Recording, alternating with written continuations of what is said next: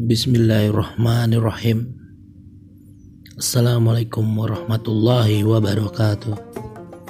Alhamdulillahi rabbil alamin Wabihi nasta'in wa ala umuri dunia wa din Wa ala alihi wa sabbihi wa salim Ashadu an la ilaha illallah Wa ashadu anna muhammadan abduhu wa rasulullah Allahumma salli ala syahidina muhammadin Wa ala alihi wa sabbihi wa salim masih di Rempots ya. Puji syukur kehadirat Allah subhanahu wa ta'ala atas segala nikmat dan hidayahnya hingga kita bisa bertemu kembali.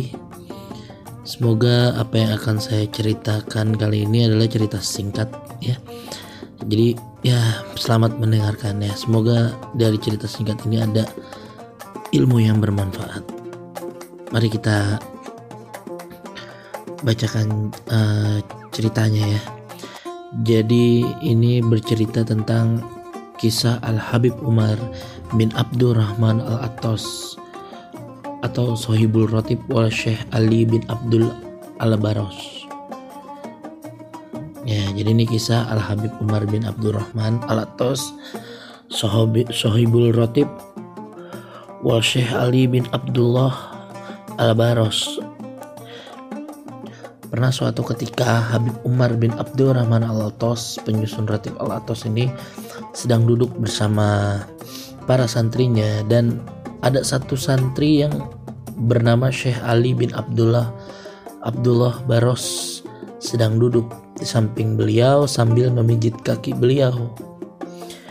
Beliau terdiam sesaat dan berkata kepada santrinya, "Kita kedatangan tamu istimewa, yaitu Nabi Khidir dan sekarang beliau sudah berada di gerbang depan.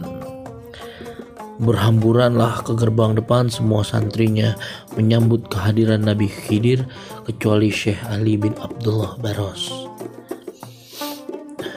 Habib Umar bertanya kepada Syekh Ali, "Ya Ali, kenapa kau tidak menyambut Nabi Khidir bersama santri-santri yang lain?"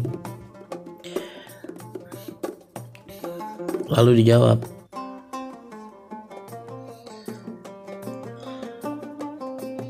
Lalu dijawab oleh Syekh Ali, wahai guruku, Nabi Khidir datang sengaja menemuimu. Untuk apa aku lepaskan tanganku dari kakimu? Karena kedudukanmu yaitu guru di mataku sebagai murid jauh lebih mulia dibandingkan Nabi Khidir. Hikmatnya seorang murid terhadap guru ya. Mendengar jawaban dari muridnya seperti itu lalu berucaplah Habib Umar tidak akan kuterima hadiah Fatihah dari siapa pun kepadaku kecuali disertai dengan nama Syekh Ali bin Abdullah Barosh.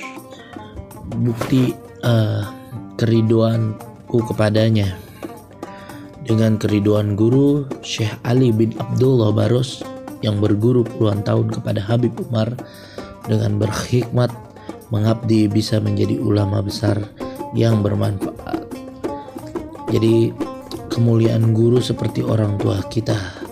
Rahasia dunia ada di kedua orang tua dan rahasia akhirat ada di guru. Ya cukup uh, singkat ya cerita yang yang saya bacakan ini. Semoga cerita yang begitu singkat ini bisa bermanfaat untuk teman-teman, untuk saudara-saudariku semuanya ya. Dan semoga podcast ini terus berlanjut. Jadi tetap stay tune terus di Rempots ya.